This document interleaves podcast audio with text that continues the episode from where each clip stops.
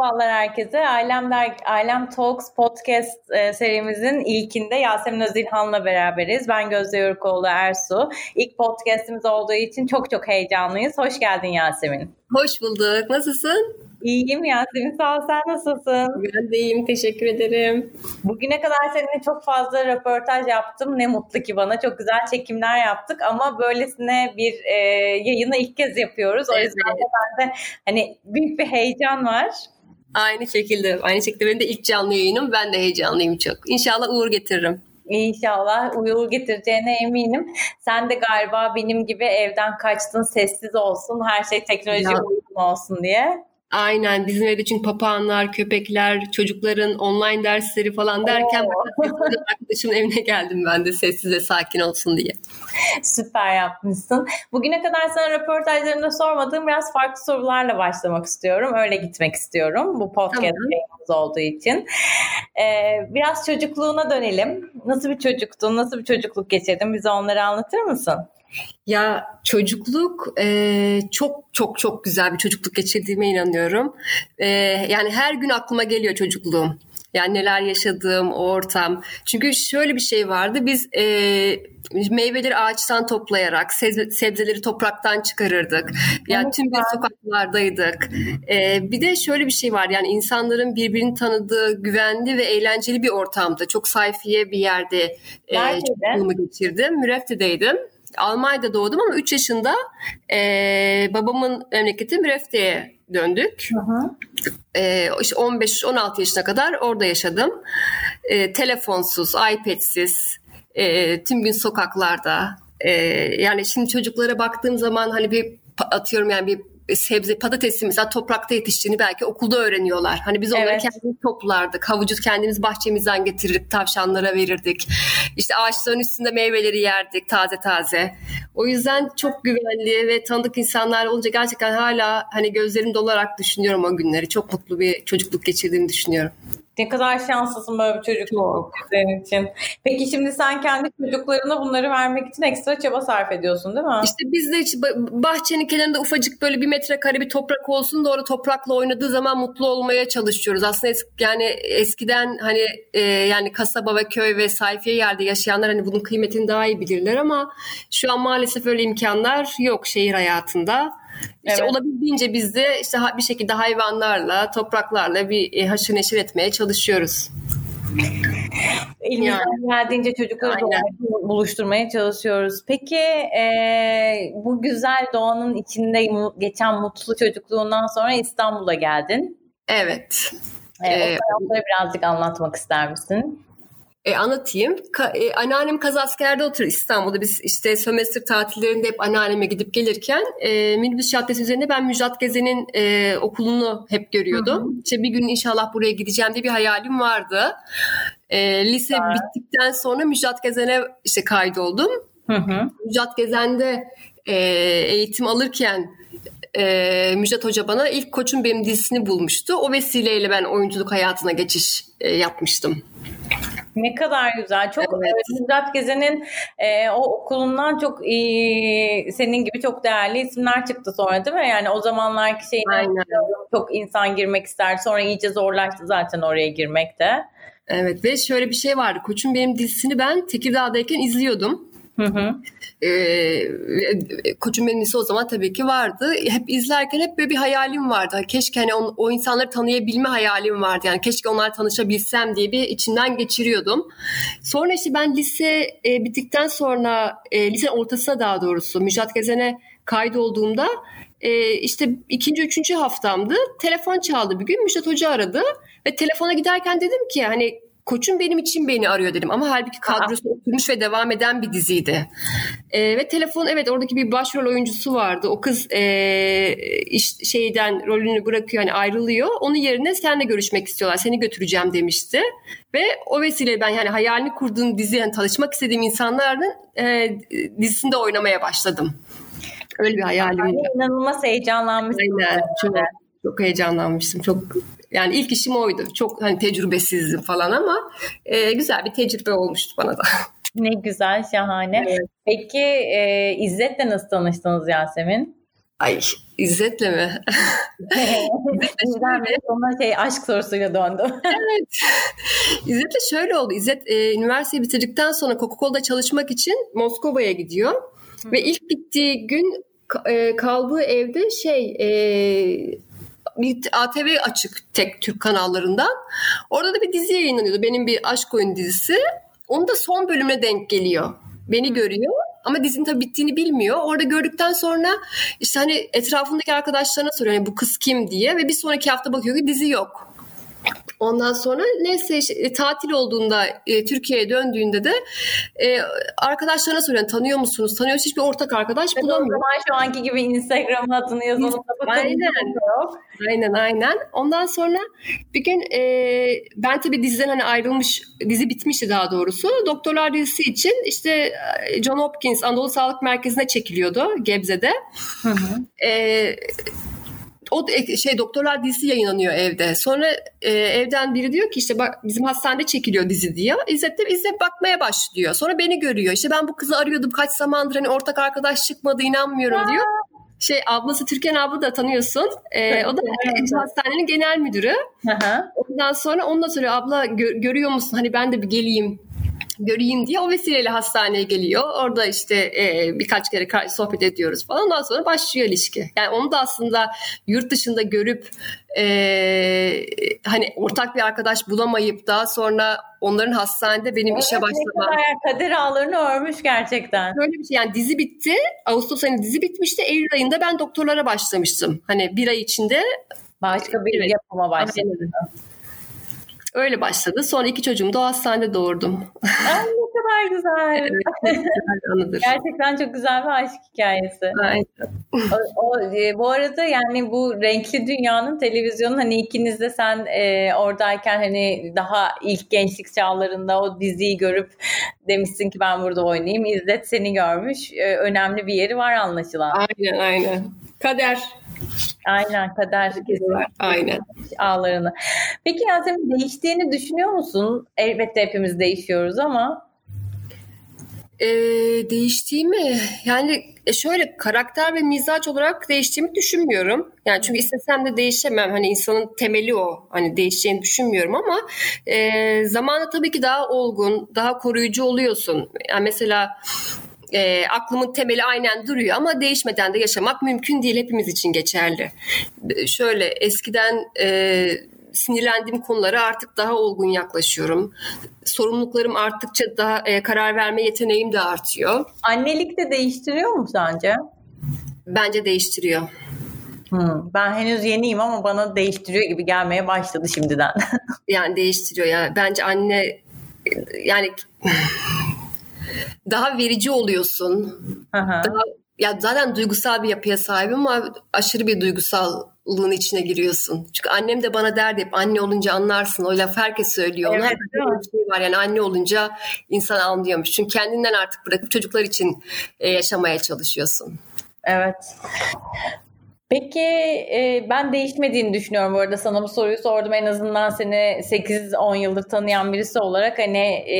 Yok o karakter mizaç o kalp aynıdır ya. Yani o merhamet o duygusal o şeylik varsa insanın içinde o değişmiyor bence. Hani 7 sene neyse 70'e de o derler. O hakikaten kötü olan insanlar için de geçerli iyi olan insanlar için de geçerli bence. Bence de kesinlikle. Peki e, dışarıdan bakıldığında nasıl görünüyorsun bilmiyorum ama şahane görünüyorsun ve her zaman bir auran var. Herkese, hepimize etkiliyorsun. Seni farklı kılan şey ne sence? Hiç düşündün mü bunu? Çok mütevazisin biliyorum. O yüzden zor bir soru senin için. Ee, beni farklı kılan... Önce teşekkür ederim. Soruyu düşünüyorum da. Ya belki de bilmiyorum yani herkes için yani sıradan olmak kötü bir şeymiş gibi gelirken bana sıradan olmak aslında ulaşılması gereken bir e, lüks bir şey gibi geliyor. Hmm. E, ben de hani bu lükse anne olduktan sonra ulaştığımı düşünüyorum. Ya çünkü ya özellikle anne olduktan sonra hani e, daha doğal ve kendin olmak için çaba gösteriyorsun. Ya belki de anne olmasam hani bu keyfi süremezdim diye düşünüyorum. Kendim olduğum için belki de bilmiyorum. Peki o süreç nasıldı yani anne olmaya karar vermen öncesi sonrası ve arka arkaya değil mi? çocuklar. Evet, ikisi arka arka. Aynen. ya şey gibi olmadı böyle hani planlı bir şey yapmadık. Hı hı. Hani nişanlandık. E, evliliğe e, yani düğünümüzün düğün ne zaman bizim e, düğün olmadan bir iki gün önce falan hamile olduğumu öğrendim. Ne güzel. Evet. Ne güzel. A- aşkın meyvesiyle beraber. E, yani, aynen. Evet şahane. E, zaten bence en güzeli öyle. E, peki devam ediyorum. Tamam. E, çok göz önündesin sosyal medyanın etkisi olmaksızın göz önündesin. Tabii oyunculuk kariyerin ardından e, kendine çizdiğin yol, evliliğin vesaire derken hani bu hep böyle devam etti. Bu dengeleri nasıl koruyorsun? E, göz önünde olduğumu bilmiyorum. Şu göz önünde miyim? Yani sosyal medya sayesinde evet dediğin gibi aslında herkes bir şekilde göz önünde. Ama e, bilemiyorum ya. Çok hani göz önünde olduğumu düşünmüyorum. Senin ekstra bir çaba sarf etmediğin belli. Ama e, yani şöyle ben şöyle düşünüyorum. Bu bir e, medyada çalışan birisi olarak yıllardır. E, senin zannettiğinden daha fazla göz önünde olduğun kesin. Daha fazla yüreklerde ve daha fazla hani ya, ben hani kendim belki farkında değilim. Hani farkına varamıyor olabilirim. Yani örnek veriyorum. Şimdi o tarafa da geçmek istiyorum. E, Stilikon dediğimiz zaman e, ilk üçe giriyorsun yıllardır. E, diğer diğerleri değişiyor ama sen hiç değişmiyorsun. Bunun için ekstra bir çaba sarf etmediğini biliyorum ama bunu da birazcık değişmek istiyorum. Birazcık konuşalım istiyorum. Bu yanına. Stil. Evet. Ha yani eee yani mesela nasıl değişimlere uğradı stilin? Yani şöyle oyunculuk yaptığım dönemde aslında sete giderken e, şöyleydi hani en sıcak ve en rahat kıyafetleri tercih ediyordum. Hmm. Evet ya yani bunlar da genellikle işte uzun hırkalar, eşofmanlar, e, sweatshirtler oluyordu. Ya bilmiyorum belli bir yaşa kadar eğer hani biri, biri tarafından yönlendirilmiyorsan tarzın bence hani bir 20'lerin ortasında oturmaya başlıyor. Evet. Ee, ya şu an sosyal medya sayesinde tabii ki hani ister istemez trendleri takip ediyorsun ve ister istemez modanın içinde olabiliyorsun. Ee, ama bizim dönemimizde yoktu. Hani benim e, ve hep her zaman hani kendim giyiniyordum her zaman bir sadeydi. Peki ee, böyle meraklı mıydın yani ilk gençlik zamanlarında oyunculuğa başladığında? O zaman değildim. Yani işte 15 saat 15'te başlayıp 22 23'te bırak bıraktım. O yüzden hani o dönemde zaten hani bu kadar e, modayı takip eden biri değildim ve dediğim gibi hep rahat ve e, eşofman kendimi içine rahat hissettiğim kıyafetleri tercih ediyordum. Rahat olsun diye çünkü sette üşüyoruz. E, işte soğuk zamanlar oluyor. O yüzden bir sadeydi. Bence hala da öyle sade. Bilmiyorum belki hani maksimum sadelikte aradığım şıklık e, ke- kesiştiği zaman hani doğru noktadayım demektir. Hani be- belki de bu çizgiye ulaştığımı düşünüyorum bu ara. İnsanın kişiliğiyle de birazcık stili doğru orantılı oluyor zaten değil mi? Bence etkiliyor evet. Yani, yani sen doğal ve rahatsın ve stiline de yansıyor bence bu özellikle günlük giyim tarzına. Bence evet yani ben şey e, hani sakin sağlıklı bir karakterim olsun isterim. Hani buna uygun giyindiğimi düşünüyorum. O yüzden böyle hani ben rahatsam çevrem de rahat olmalı. E, ama ister istemez tabii ki bir şekilde yansıması oluyor. Benimki böyle hani karşısındakine sakin ol hani diyen bir tane stilim var diyebilirim. Hani yormadan. Gö- göz yormadan sakin. Ee, peki şu an e, yani moda ile ilgili geldiğin noktada bu kadar takdir görüyorsun ve takip ediliyorsun. Giydiklerini takip ediyor, stilini takip ediyor. Artık bir stili konusun. Peki sen evde İzzet'in ya da çocukların kılık kıyafetlerine karışır mısın, yönlendirir misin? Aslında şöyleydi. İlk başlarda e, İzzet beni yönlendiriyordu. yani ben sürekli eşofman, yani şu an tabii evet çok moda oldu ama o dönem... Şu an inanılmaz moda oldu bu arada. Bütün yani, markalar, şey... markalar şey home yapmaya başladı. Aynen. E, ve e, İzzet şeydi hani ablaları hani topuklu ayakkabı ve şık giymeye alışık olduğu için genelde öyle abla ve anneyi örnek alırlar. Ben de hani olabildiğince hani spor ayakkabı, e, eşofman sürekli bana şeydi hani hediyeler topuklu ayakkabı alıyordu. İşte bana sürekli aslında ilk başlarda o beni yönlendiriyordu. Hı hı. Ee, ondan sonra bir şekilde böyle bir başladım. Hani e, galiba sosyal medyayla artmış olabilir mi bilmiyorum da o dediğim gibi insan ister istemez kendini modanın içerisinde buluyor ya bir şekilde. Çünkü artık evet. yani eskiden şeydi e, stil ikonu hani lafını bilmezdim ben. Evet eskiden bu çok yani bir laf değildi yani. Evet. Yani şu an evet bayağı bir stil ikonu şeyi var.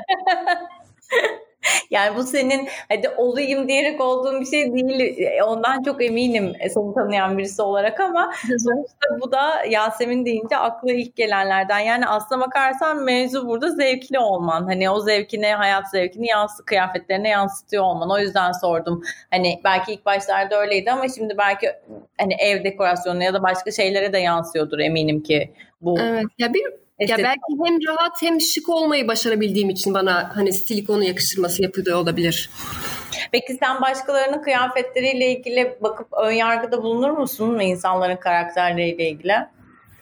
Karakterleriyle e, bulun yani kötü niyette tabii ki hani bulunmam. Hani kim neydi giymek istiyorsa, neyin içine kendini mutlu ve rahat hissediyorsa onları giymeli tabii ki ama ta, e, ister istemez hani kişiliğini yansıttığını düşünüyorum doğal olarak. Hani siz oradan bir ön analiz yapabiliyorsunuz. İşte ama dediğim gibi moda unsuru da var. Yani herkes her zaman evet. kendi istediğini giymiyor. Bazen e, şey kontrolü modaya kaptıranlar oluyor ve buna onların asıl kimliklerini gizleyebiliyor. Evet, evet. E, sen bir, bir markayla işbirliği yaptın uzun süreli. Sonra durdun. Düşünüyor musun peki tekrar perakende sektöründe ya da kendin bir iş yapmayı düşünüyor musun? Ee, onu da bıraktın çünkü bildiğim kadarıyla Carter's. Ha Carter's, evet 3 yıl çalıştım Carter's'ta. Oradan ha. da çok tecrübe edindim. İç tarafından yani perakende sektörünün. Ama şu an e, bilmiyorum belki olabilir. E, peki perakende sektöründe çalışmak nasıldı Carter's'ta? Hani sürekli mağazalara gidiyordun. Tabii pandemi evet, yani. vardı. Biraz da o dönemini anlatır mısın? Evet, o şey merkez ofisinde yani. Hani yaptığın bu, bu, bunları hiç göz önüne çıkarmadın o yüzden soruyorum. Evet. Carter's'ta ben e, haftanın 5 günü günde 2 mağaza geziyordum. Yani haftada 10 mağaza geziyordum. Bazen işte 2 haftada bir de bir günler ofiste oluyordum. Diğer günler sahadaydım işte ürün gelimini kabul e, karşılıyordum. E, vitrin düzenlemesine bakıyordum. Reyonda ürünlerin işte stokla şeylerin stoklarını kontrol ediyordum. Barkodlarını gerektiğinde servis yapıyordum müşteriye. Hani e, yoğun olduğu dönemlerde. Yeni mağaza aç, açılışlarında planı e, mimarla beraber işte diğer mağazalarla çünkü aynı olması gerekiyor e, metrekareleri aşağı yukarı hani e, düzeni raf şeyleri e, raflarıdır işte kasa tarafı falan onların e, bütün e, içeriğini ben yapıyordum. Yani bayağı bir e, bayağı yorucu ama keyifli. E, güzel tecrübeler edindiğimi düşünüyorum orada. Ne kadar sürdü peki? 3 yıl. 3 yıl sürdü. 3 yıl. Şimdi e, şu yüzden soruyorum. Hani çok bekleyen de var Yasemin kendine bir line çıkaracak mı diye. Stilin çok beğendiği. Şu an öyle bir düşüncem yok. Yani e, o da başka bir iş tanısı. ya bence. Sektörünün ne kadar zor olduğunu sen orada bildiğin Zor mi? zor. Yani kartız şöyle zordu. Bir yurt dışından geldiği için hani dolar kur hani şu an daha da fiyatla evet. ama e, kolay değil yani dışarıdan göründüğü gibi kolay değildir. Değil mi? Dışarıdan yani işbirliği yapmak daha e, keyifli. Belki ileride olabilir tabii. ee, çok teşekkür ediyorum. Ben teşekkür ediyorum. Daha önce sormadığım sorulara cevap verdiğin için de çok teşekkür ederim. Ben teşekkür ederim. Aynen podcast serimizin ilkine bize bize konuk olduğun için, bize şans getirdiğin için güzel enerjine çok çok teşekkür ediyorum. İnşallah inşallah uğurlu gelir. Ben teşekkür ediyorum. Görüşmek üzere. Görüşürüz. Bay bay.